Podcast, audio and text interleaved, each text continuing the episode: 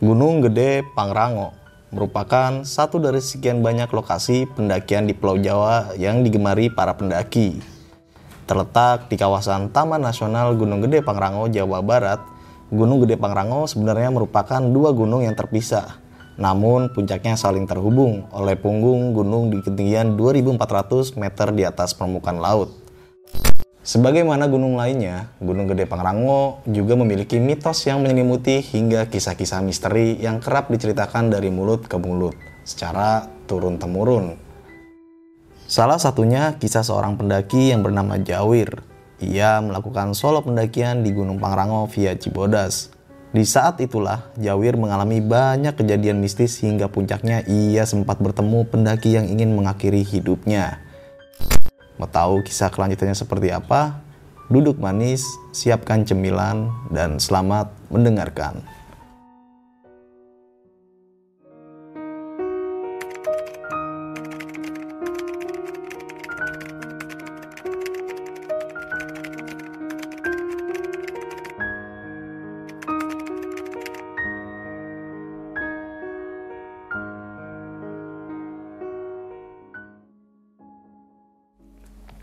Halo, Wir. Ya. Apa kabar, Wir? Sehat Pak. Sehat ya, Alhamdulillah. Kesibukan lu lagi ngapain nih, Wir, sekarang, Wir?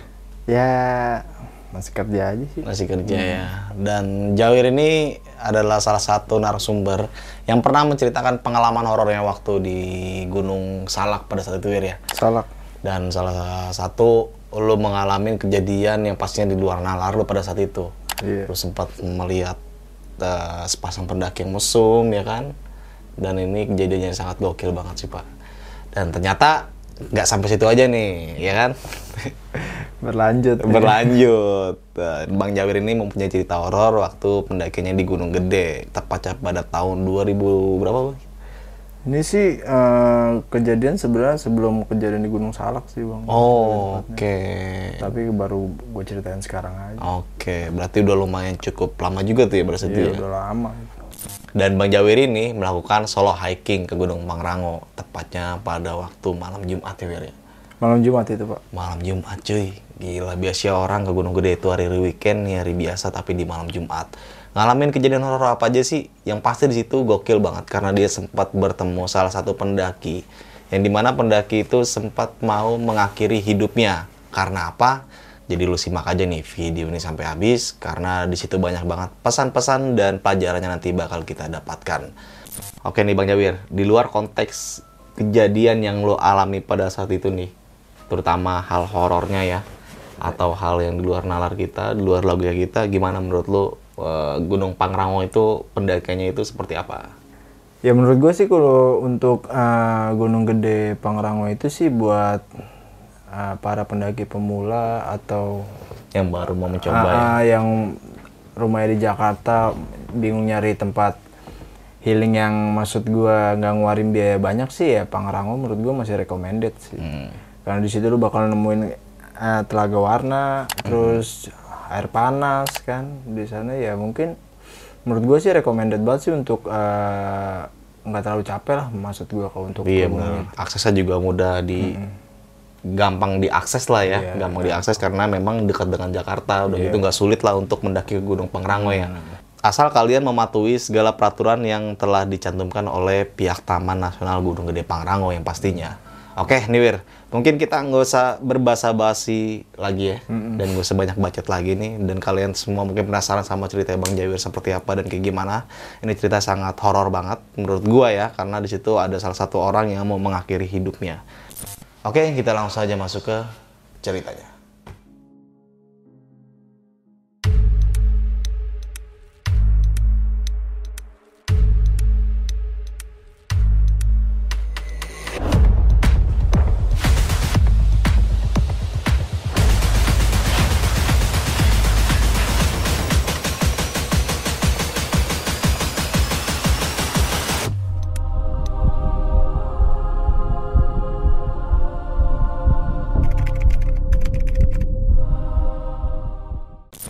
Ya bang, jadi ini cerita eh, pengalaman gua.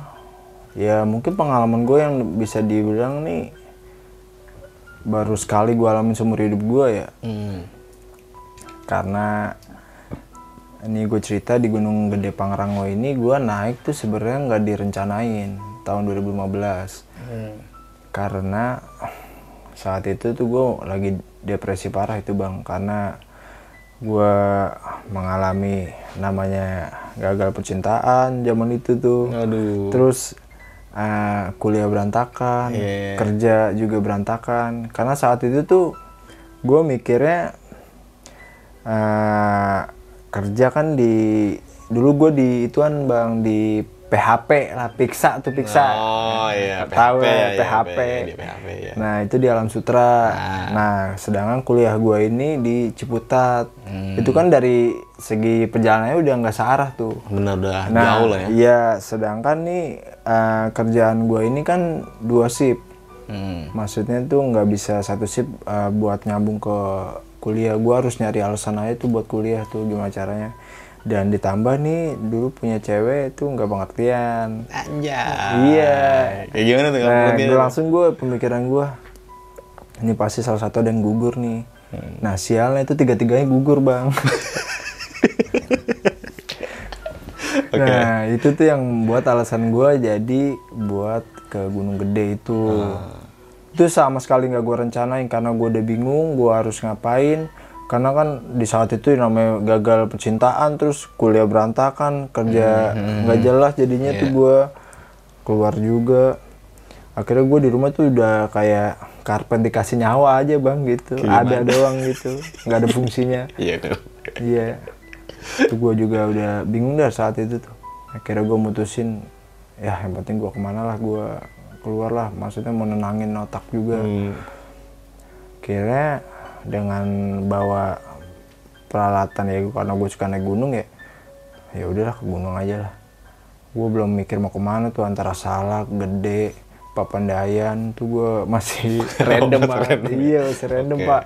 Kira gue Berarti masih spesialis Jawa Barat nih ya? Iya, pokoknya yang maksud gue yang nggak nggak terlalu jauh lah. Maksudnya Ah, kalau gue ada apa-apa di jalan agak jauh dari rumah gitu. Hmm. Masih gampang dicari. Iya. Kira udah tuh, akhirnya gue ke Gunung Gede Pangrango. Gue naik motor sendiri. Sepanjang perjalanan juga udah pikiran udah ke mana-mana. Nah sampailah di uh, base camp Cibodas tuh jam 4 jam 4 sore hari Kamis jam 4 sore gue masih ingat banget itu Hari Kamis jam 4 sore. jam 4 sore. Nah, sampai di base camp karena gue emang lagi sumpek ya bang, maksudnya lagi depres banget itu, lagi depres banget. Gue nggak mau lama-lama di base camp, ngurus uh, si Maxi segala macem, udah. Gue nggak mau banyak ngobrol di bawah karena gue lagi sumpek. Gue mutusin langsung naik tuh, Oh, berarti lu sampai ngurus sampai maksi ngurus, langsung? iya ngurusin Maxi 20-25 menit tuh gue langsung naik tuh. Iya, iya, iya. Langsung naik itu dengan orang gila bang itu naik sendiri Iya. terus ngomong sendiri terus sambil sambil uh, ada rasa nyesel aja gitu di hati. Pokoknya kayak ngomong sendiri gitu bang sambil jalan gitu. Sampailah gua di Telaga Warna. Ya jadi uh, itu sampai Telaga Warna itu maghrib tuh bang. Itu udah awan awan juga ma- matahari juga udah agak maksudnya udah nggak terlalu terang udah redup ya. Udah mulai gelap lah ya. gue bengong. Nah ini mungkin nggak tahu halusinasi gue apa pikiran gue lagi ke mana-mana. Itu gue ngeliat telaga warna tuh di tengahnya tuh kayak ada pala nongol gini bang. As- ngeliat gue tuh gitu. Nah itu gue notice tuh langsung gue ngeliat. Wah gue langsung baca istighfar gue baca ayat kursi. Gue langsung mutusin gue jalan lagi tuh. Iya iya gue cabut gue cabut di sini. Maghrib nih ya. maghrib. Oke. dibilang halusinasi tapi kok kayak di mata gue nyata banget Hmm. iya gue cabut gue cabut pikiran gue nih oh, emang gue suruh pergi nih di sini nih. akhirnya gue jalan tuh lagi naik lah gue menuju ke air panas Hmm. nah di sini nih di air panas kan gue depan shelter tuh duduk depan shelter air panas ada nih pendaki Hmm. yang tadi lu disclaimer bakal mengakhiri hidupnya. Gue Yeah. ketemu sama dia. Dia nih naik sendiri. Itu kan posisi udah udah gelap juga ya bang Hmm. itu udah jam berapa ya? Jam 8 atau jam 8an lah. Jam 8an ini ada headlamp lampu headlamp. Sendirian doang. Terus arah ke gua. Nyamperin. Duduklah samping gua. Gua tanya sendirian aja ah iya sendirian ah emang dari mana ah saya pendaki dari Bogor. Nah, Lo naik sendirian emang nggak janjian sama temen apa emang suka naik sendiri ya gue tanya gitu bang ke dia. Nggak emang pengen naik sendiri aja emang lagi sumpek pikiran juga. Hmm. terus juga dia mulai cerita tuh gue dalam hati langsung ya ketemu orang sumpek juga gue juga kayak cerita lah. Gue gue memberanikan diri kan nanya. Maksudnya mungkin dengan dengan dia cerita ke gue mungkin bisa nenangin dia juga kan Iya, aku unek dikeluarin. Gue tanya emang ada masalah apa A?" langsung cerita iya jadi dia pakai bahasa setengah Sunda gitu bang. Hmm. baru uh, gagal dalam berhubungan dari pernikahan dia dan istrinya itu selingkuh Oh. istrinya itu kayaknya emang nggak bisa diajak susah dan istrinya itu selingkuh sama mandornya sendiri dan dia ini nggak taunya nih kuli bangunan ya serabutan lah apa aja gitu Oke. selingkuh sama mandornya sendiri Hmm. dia depresi tuh dia mau pikirnya udah mau matiin tuh mandornya aja Hmm. makanya mungkin dia sumpah juga kan istrinya udah pisah juga sama dia. Anak dibawa dia lontang lantung gak jelas tuh. Dia naik tuh makanya ke gunung. Hmm. mungkin sama kayak gue ya biar nge-refresh otak mungkin heal Iya. ya kan? Cerita itu udah mata berkaca-kaca juga tuh dia pengen nangis juga. Ini istrinya selingkuh sama mandornya diketahuin gitu. diketahuin. Ya malah yang ngasih tahu tuh eh, orang tuanya nih abangnya sendiri yang mergokin Maksudnya gimana tuh? Maksudnya? Dia cerita kayak gimana tuh, Bir? dia jadi cerita selama dia pas ya namanya mandor kan cuma ngawasin aja bang kan. Bisa ke mana aja sih tinggal tinggal sedangkan dia pekerjaannya ya kan. Jadi dia ke rumah yang gue dapet cerita dari dia sih begitu dia ke rumah udah berapa kali melakukan hubungan kayak gitu bang. Di rumahnya sendiri Iya, tanpa sepengetahuan nih abangnya ini. Uh. Nah samping rumahnya itu kan rumah orang tuanya nih abang ini nih Hmm. Nah katanya sih dia mergokin berapa kali. Oke. Tapi kalau mau langsung gerebek gitu, sama bilangin ke abangnya ini takutnya langsung fatal gitu. Takutnya langsung diapain, makanya takut ngomongnya hati-hati. Akhirnya orang tuanya nyuruh nih abang ini bisa cerai karena bilang nih cewek udah nggak bener, nggak baik. Tanpa dikasih tahu dulu tuh nih ada kesalahan apaan. Oh.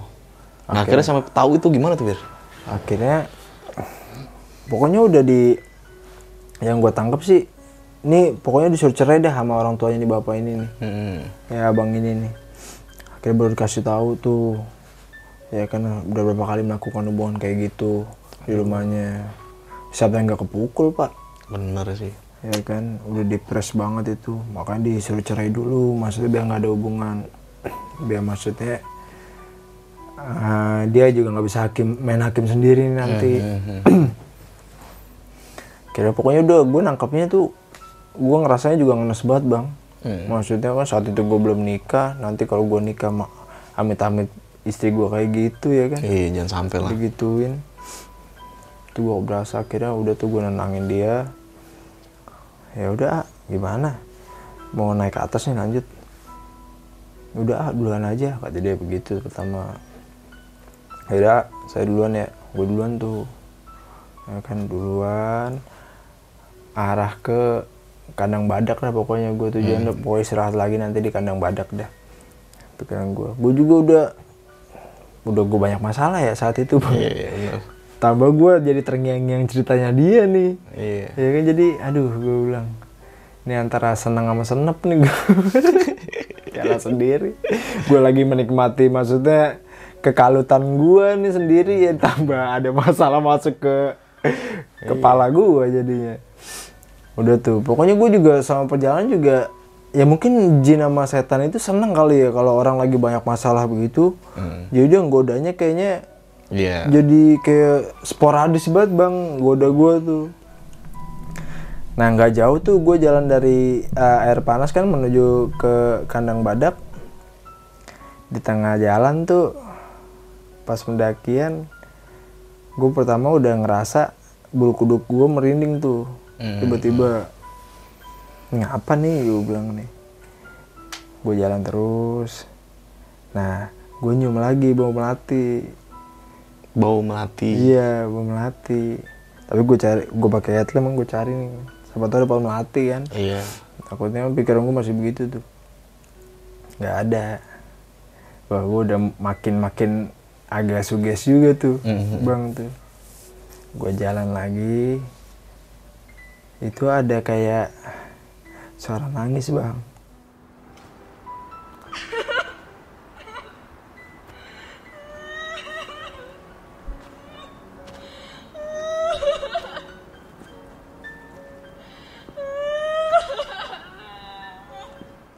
Nah pikiran gue hewan tuh bang.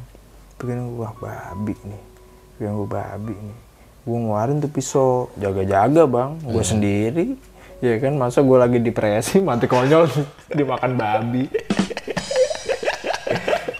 Itu bang. Gue dengar suara itu tuh Makin kencang aja di kuping gue Gue jalan juga Sambil ngejauhin tuh suara kan agak cepetan dikit tuh ya kan? Gue notice banget tuh suara. Tapi gue jalan lama banget jadinya. Terus juga badan gue tuh kayak udah capek banget Kayak berat banget gitu bang. Ngerasain sendiri. Gue jalan aja terus deh pokoknya sambil baca-baca juga. Nah nggak lama nih Kadang gue udah mulai pelan jalan juga Ini gue ngeliat headla- headlamp lampu. Hmm. Wah ini abang yang tadi nih. Oh, yang sendiri tadi. Ah, sendiri tadi nih. Udah naik juga. Maksudnya gue sedikit agak tenangan juga jadinya tuh kayaknya gue lama-lamain biar maksudnya biar barengan juga. Maksud gue selain depresi kan ditakutin setan takut juga bang gue oh, berarti lu masih ada rasa takut masih ada bukan ya? iya bukan karena mentang-mentang gue solo hiking gue terus berani nggak takut setan gitu. Takut gue bang masih. Oke. Terus gue jalan gue lama-lamain gue tungguin. Nah sampailah gue ke kandang badak tuh. Hmm. Lama dia juga datang tuh. Nah, gue buka tenda di situ. Dia juga mutusin buka tenda di situ. Cerita lagi nih, Curhat lagi. bersambung lagi nih yang tadi. Ah. Ya karena mungkin deng- dia dengan cerita begitu mungkin lebih enakan juga kali. Hmm. Ya gue dengerin aja itu sambil bikin kopi kan. Tapi itu gue notice ada ada kayak deterjen pembersih lantai bang yang warna hijau yang ada yang Hmm. Iya, inisialnya W lah Oke. Oh iya. Heeh. Wipok Wipok ya. Wipok. Wipok, oke. gue tanya dong Se- selagi dia cerita gue gua patahin dulu tuh Mm-mm. ah itu ah, deterjen Wipok buat apa anak oh enggak itu ke bawah aja dia ngomong begitu tapi kayak ngomongnya nggak meyakinkan gitu Oke. Nah, gue mikirnya oh ya udah biarin aja. Mungkin emang ke bawah itu ngomong-ngomong cerita sambil ngopi. Dia ngomong juga udah sambil nerusin air mata yang tadi itu cerita nangis lagi. Karena emang se separah sedih itu. tuh. sih Iya, emang kacau, ceritanya. mungkin depresi depresi terparah itu mungkin ya yang dialamin abang itu kali ya. Hmm. gue langsung mikir anjir depresi gue belum ada apa-apanya dibanding abang ini nih. Hmm. Kira udah jam 2an lah. Jam 2an itu gue ngeliat. Jadi kan gue udah mulai agak ngantuk tuh bang ya. Hmm. ah bentar ya. Gue preparein itu dulu di dalam tenda. Bentar. Nah dia nih ngambil deterjennya itu tuh bang di tangannya. Oh. iya udah, udah begitu digunting udah mau diminum langsung gue refleks. Ah lu mau ngapain Dia langsung gue tompok tangannya gue refleks gue gue tanya nggak tahu gue udah males hidup. Tiba-tiba ngomong begitu bang. Gue ceritain juga tuh akhirnya unek-unek gue maksudnya masalah gue kenapa gue naik ke sini. Hmm. saya juga ke sini kar- karena lagi ada masalah juga. Gue bilang gitu lagi depresi juga. Tapi saya nggak sempat pikiran belum ngakhirin hidup gue bilang begitu. Ya tapi gue nggak tahu ngomong pakai bahasa Sunda lah tapi gue ngerti. Iya, iya. Gue terjemahin aja maksudnya artinya tuh iya tuh gue tahu tapi gue udah nggak tahu harus mau ngapain lagi. Katanya begitu. Oke. gue makin hidup aja udah jangan halangin gue dia ngomong gitu. Stipara gue sambil nenangin tuh. Nah akhirnya tuh setelah udah ada rada-redahan tuh dia udah agak tenangan. Mm. dia udah putusin ah lu jangan tidur sendiri dah lu tidur sama gue aja maksudnya biar bisa gue kontrol nih Oh ngerinya dia Iya, ngakuin takutnya hal nih yang- gua Oke. tidur di sini dia tidur di tenda, tahu-tahu dia minum di tenda, Iya, ya kan? Bahaya juga, repot juga di lu. ya. Iya. Takutnya na- nanti kesannya terkesan jadi pembunuhan, Pak. Benar. Jadi gua yang kena impact, makanya gua lindungin aja udah tidur sama gua aja. Udah gua nggak mau tahu, nggak mau ada alasan gua bilang maksudnya nanti lu ngelakuin kayak gitu lagi, gua nggak kontrol. Kira udah tuh. Nah, jam 3-nya itu kan udah gue juga udah agak-agak tidur melek tidur melek nih sambil sambil cemas juga nih maksudnya nih. Takutnya dia nih malah buka tenda keluar nggak ada di pantauan gue makanya gue tidur masih nggak nyenyak banget itu bang. Jam tiganya nih bener bang. Dia udah mau buka tenda mau cabut. Oke. Kira gue tarik tuh ah lu mau ke mana mau ke mana? Gak tau dia mau kencing bang. Gue salah. Oh iya dia mau kencing dia kencing. Oke. Belet ya? Nggak tahan ya. nah udah tuh habis. Ya udah gue lat sampai gue latin ya. Takutnya dia cuma alasan kencing ya kan bang? Kira udah tuh masuk lagi ke tenda gue nah pas di dalam tenda gue juga udah tiduran lagi dia udah tiduran lagi tapi dia ngambil pisaunya gitu bang megang-megang pisaunya gini Shit. Gila meresahkan banget berarti ya. Iya, jadi satu sisi gue takut dia nusukin dirinya Ah. apa gimana, satu sisi gue ngerinya dia malah gituin gue nih. Iya, lo dibunuh ya. Iya. Iya, iya benar benar. Siapa yang gak suges bang baru Iya, kenal gila, tidur gila, gila. barengan, Iya, iya. iya kan? Akhirnya udah gue ambil paksa, sorry bang ya gue ambil nih. Ya. Akhirnya gue pegang, gue taruh samping gue. Udah bang tidur aja bang, maksudnya biar enakan lu nya. Hmm. Nanti besok ah, kita terusin lagi jalan ke atas, gue bilang begitu kan. Nah dia ini kayak gelisah aja bang udah tuh. Hmm. jadinya itu gue mau dia ya jadi pada nggak bisa tidur gue juga nggak bisa tidur Dia gelisah Karena dia karena gelisah pikiran aja, ya. iya. Lo gelisah karena mikirin dia terus dia juga. juga ngomong ngomong ngomong pelan gitu bang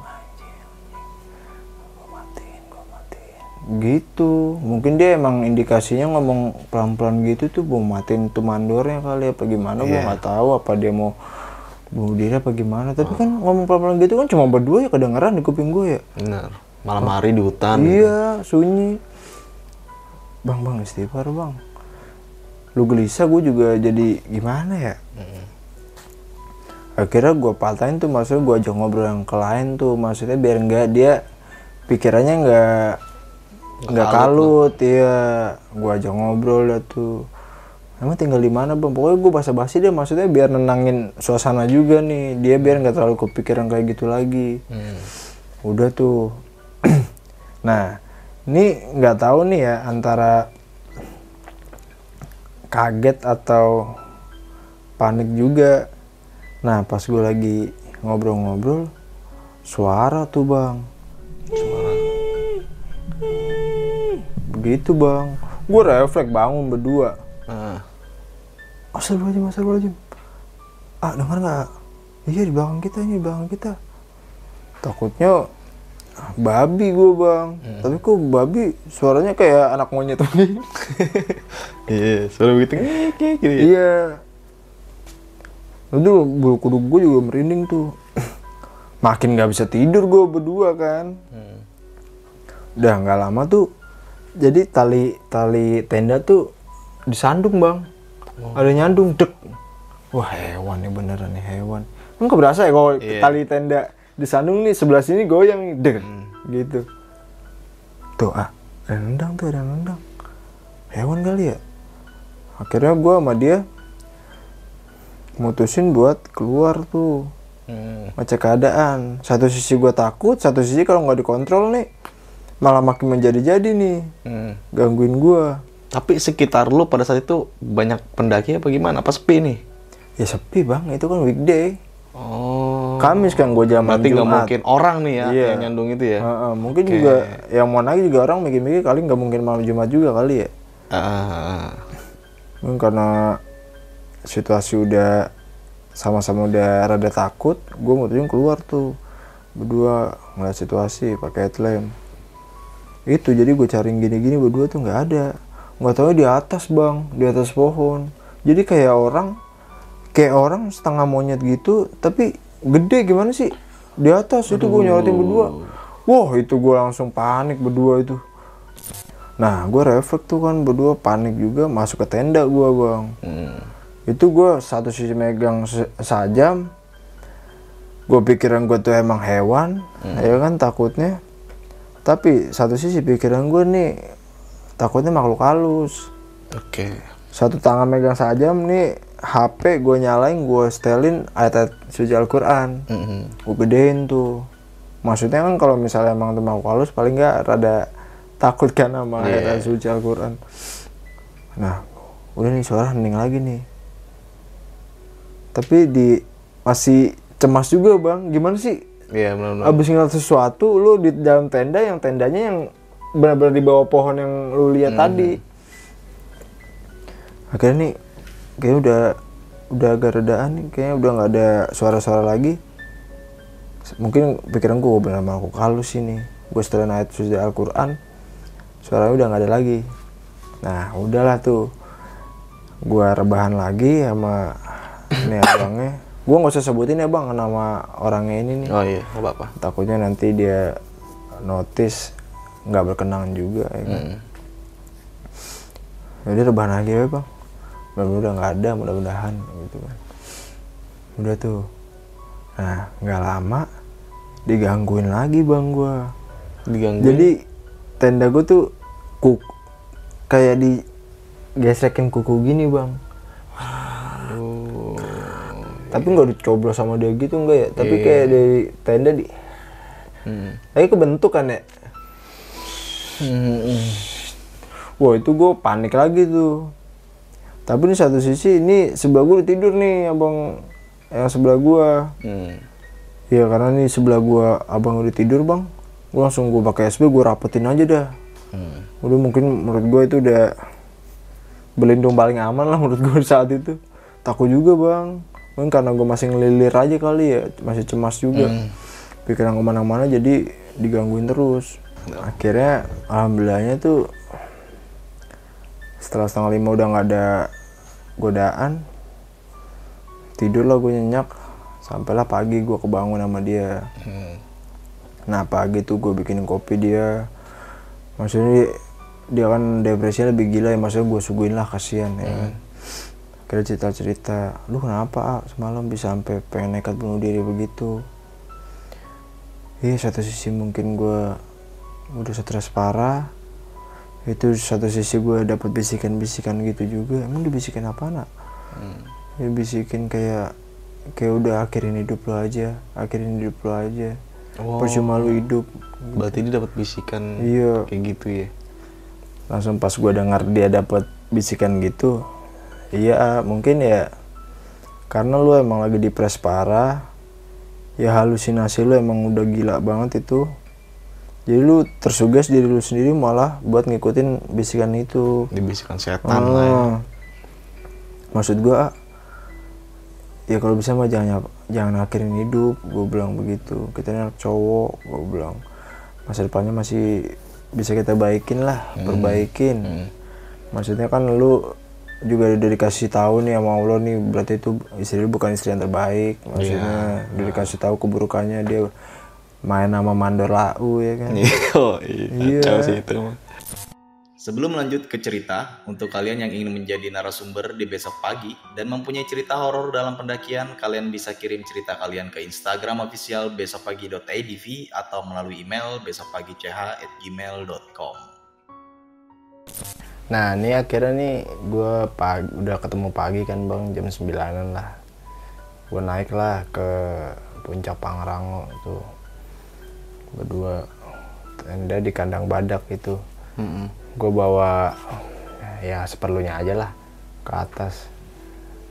Nah dia tuh pas gue udah sampai singkatnya sampai puncak udah tuh sama-sama foto seperlunya sisanya dia nulis nih bang. Nulis tapi sambil nangis. Nulis apaan tuh, Bir? gue juga kurang tahu ya. Kayaknya mungkin uh, nulis ya nggak tahu sambil nangis gitu bang. Gue nggak baca juga. Oh, oke. kata gue ya nangis lagi. Kira kenapa sih bang? Gue keinget lagi ya. Iya keinget lagi tuh dia. Ngomong katanya dulu sama istrinya udah bangun bina rumah tangga maksudnya udah sebegitu perjuangannya lah pokoknya buat bangun kehidupan rumah tangganya kok bakal berakhir kayak gini gitu masih nggak nyangka nangis. Gue bilang ya udah bang kelasin aja. Gue bilang begitu emang bukan jodohnya lah gue bilang begitu kan. Udah bang oh, udah tuh singkatnya gue cerita-cerita panjang sekaligus gue juga nenang- nenangin juga jam dua setengah tiga udah tuh gue turun lah tuh berdua kandang badak. Sampailah ke kandang badak itu gue prepare tenda tuh Iya, ya kan? Packing. packing ya kan? Kelar tuh jam setengah empat. Akhirnya gue ngetrek dah tuh arah turun. Berarti bakal ketemu malam juga nih di jalur. iya kayaknya emang gue mungkin satu sisi terlepas dari gue banyak digodain gue emang lebih seneng jalan malam kali bang ya. Iya akhirnya gue mutusin tuh buat turun lah. Gue tanya nih ah lu mau ikut turun apa enggak? Gue bilang gitu gue mau, mau langsung turun gue bilang. Maksudnya gue udah ada planning juga maksudnya kan habis dari sini gue harus mau ngapain? Gue bilang. Daripada gue nanti di sini lama-lama jadi tetap berlarut sama Kesedihan. kesedihan gue sama depresi gue gue udah tahu harus ngapain nanti nih ke bawah makanya gue mutusin buat turun. Saat itu juga. Ya udah aku juga ikut kata dia begitu kan. Turun lah gue nah jam 7 jam setengah delapanan nih si Ai nangis lagi. Kejar tuh nangis. Gue bilang ya keinget lagi nih gue bilang. Gua bilang, kenapa? Nangis. Tapi nangisnya lama-lama jadi kayak menggereng marah gitu. Ya kan? Tapi gue tanya ah, ah kenapa? Langsung tiba-tiba ketawa. Wah kesurupan ini. Gue bilang yang gue merinding gue cerita itu tuh. Tapi pak dan tadi dia nangis gereng tau terus terus ketawa bang gimana sih? Iya, bener. ya pikiran gue wah kesurupan nih udah fix nih lalu ketawa terus tuh ah kenapa kenapa kenapa? Udah begitu melotot ngeliatin gua. Ah, nggak beres. iya udah pasti kesurupan itu. Nah akhirnya gue baca kursi ah ah, istighfar ah, istighfar. Gue sampai pegangin aduh gue gue bilang nggak udah udah gitu maksudnya. Udah, eh, kasian juga nih eh, abangnya ini ya kan maksudnya. Udah lagi kondisi kayak gitu tambah kesurupan. Gue juga ngenes juga gue jadinya. Iya, akhirnya gue copot tuh kerilnya di eh, di badannya dia. Gue baca naik kursi nggak nggak sadar juga tuh bang. Gue udah kehabisan akal gue nggak tahu harus ngapain. Gue iket tuh tangannya. Lu iket. gue iket di pohon. Ya gue udah nggak bisa mikir nggak ny- bisa nyerna lagi harus ngapain ya. Gue udah baca baca juga nggak keluar juga masih ketawa terus melotot terus tiba-tiba nangis. Begitu gue iket pohon sampai gue baca bacain juga nah ini pas gue iket nih bang dia ngomong nih anak ini biar sini anak ini biar sini. Ngomong gitu.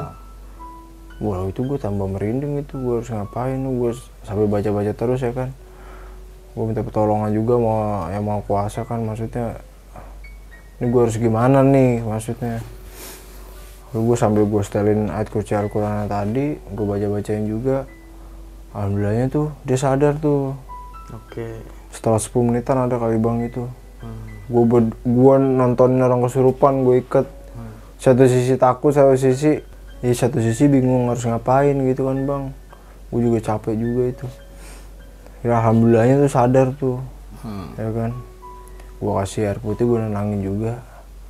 Ah jangan ngelamun ya ah gue bilang. Ini gue capek banget ini gue bilang.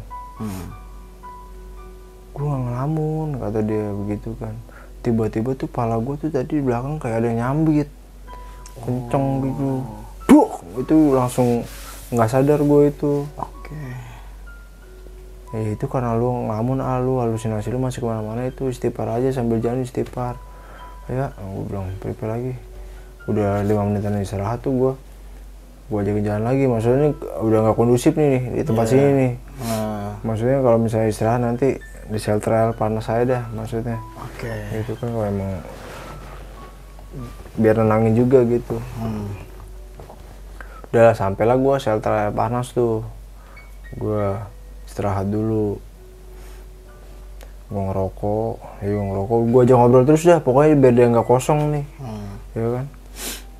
Tapi tetap aja nih dia gue ajak ngobrol tuh masih kayak kosong aja gitu bang maksudnya kayak tatapannya kosong terus juga ha ha ha iya iya doang gitu. Duh, maksud gue bilang nih kayak gini mau bakal nanti kenal lagi nih pikiran gue bener aja bang. Habis itu kena lagi dia. Kesurupan lagi. kesurupan lagi. Ya Allah gue bilang ini begini amat gue bilang. Nah setelah gue udah ngerokok udah maksudnya udah enakan udah agak segera mau jalan lagi gue ajak jalan lagi tuh bang ke bawah. Udah kita jalan lagi ya biar maksudnya ada aktivitas gitu. Iya. sambil ngobrol juga ya. Gue bilang gitu biar nggak kosong-kosong banget. Gue jalan agak cepetan tuh sama dia kan. Jalan agak cepetan jalan terus. Nah tiba-tiba nih gue sekarang bang. Kayaknya gue ngerasa kok berat banget karir gue ya? Beratnya tuh kayak kayak kayak tumpuk gua gitu bang. Jadi beratnya dua kali lipat Iya. waduh. Duh berat banget gua kira gua ah dulu dulu bentar ah badan gua berat banget nih berat. Lu kenapa bang? Lu kenapa? Kayak begitu. Berat banget badan gua. Oh karir lu berat? Tukeran aja nih sama karir gua katanya begitu kan. Enggak enggak beda ini beda. Gua bilang gitu.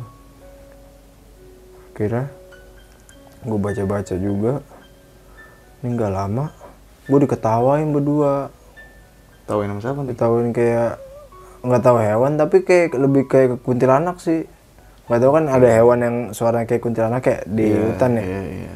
tapi ini suaranya tuh lebih kayak kuntilanak sih bang. Hmm. jadi pas gue posisi dalam keadaan berat itu tuh dia kayak seneng gitu ngetawain gue gitu. Maksud gue buset ah gue bilang itu banyak tuh sebenarnya gangguan tuh bang gue bilang ah gue paksain badan gue badan gue harus kuat nih. Ah udah coba tuh jalan lagi cepetan dikit.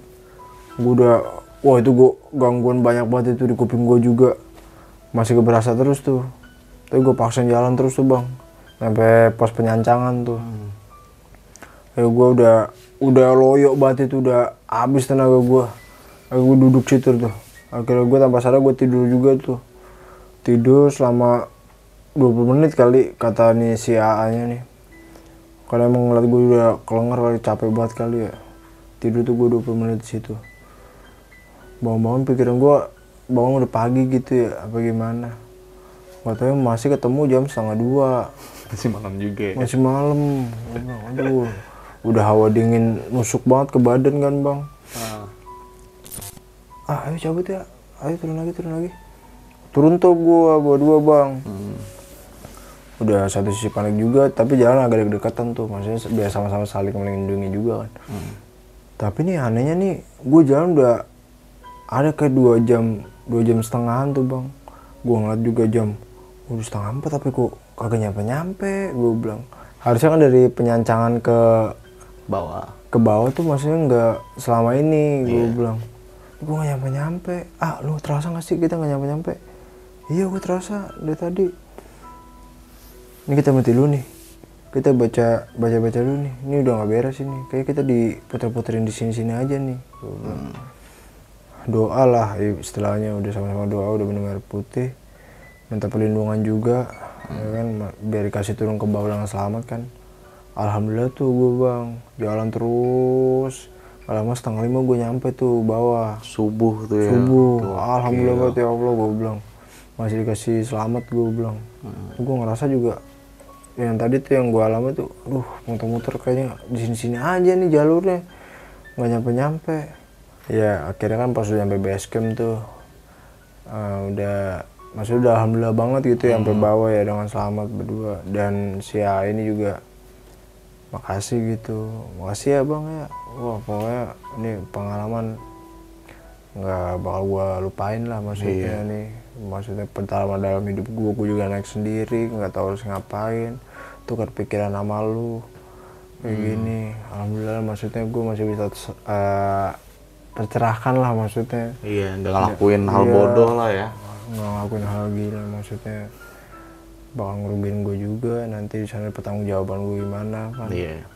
dan akhirnya nih bang udah tuh eh, pisahan tapi gue sempat tukar nomor juga ya kan masih kontak-kontakan gue sampai sekarang. Iya. alhamdulillahnya nih eh, si AA yang gue ceritain tadi sekarang udah udah nikah lagi udah dapat pendamping. Alhamdulillah banget tuh ya ya. alhamdulillah banget tuh gue masih berkomunikasi dengan baik sih gue sama dia sekarang. Udah dikaruniai satu anak juga. Udah alhamdulillah. Dari situ tuh gue juga buat pengalaman gue juga ah, naik situ ya yang tadinya gue mau refresh buat otak gue sendiri dari situ malah gue belajar buat hidup gue ke depannya nanti ya kan maksudnya di balik masalah gue nih Ternyata ada yang lebih iya berat masih lagi. ada yang ya kan? lebih parah dari gue Ah, dari situ tuh gue udah termotivasi buat- buat hidup gue sendiri tuh dari situ Oke, thank you buat nih. Bang Jawir, udah mau cerita lagi di besok Iya. pagi ini cerita yang ke dua kalinya ya. Tiga Oh iya, ketiga kalinya. Nih gua sampai lupa tuh karena memang Bang Jawir ini sering banget cerita horor pendakian di besok pagi dan ceritanya gokil-gokil banget. Dan cerita kali ini adalah cerita dari kisah nyatanya dia saat pendakian di Gunung Pangrango yang di mana dia sempat mengalami kejadian di luar nalarnya melihat beberapa penampakan atau suara-suara horor bahkan sampai melihat salah satu pendaki yang di mana dia ketemu saat solo hiking. Jadi ini sama-sama solo hiking eh, si pendaki ini mengakhiri hidupnya tapi ya terhalangi lah niat buruk tersebut. Oke nih Bang Jawir, kita ulas di perjalanan pendakian lu kali ini. ke waktu itu kan lu dalam keadaan kondisi depresi nih ya, depresi depresi banget lah lu ya. Nyata yang tadi lu sempat jelaskan juga di saat kita kondisi di mana eh, kita yang lebih banyak masalah ternyata ada masalah lagi nih lebih besar dari kita ya kan. Hmm. Ya, menurut gue sih eh, hidup itu kita harus perbanyak bersyukur kali Bang Jawir ya. iya sih benar Banyak bersyukur nyata bukan kita aja yang punya masalah, ternyata banyak orang yang punya masalah juga ya kan.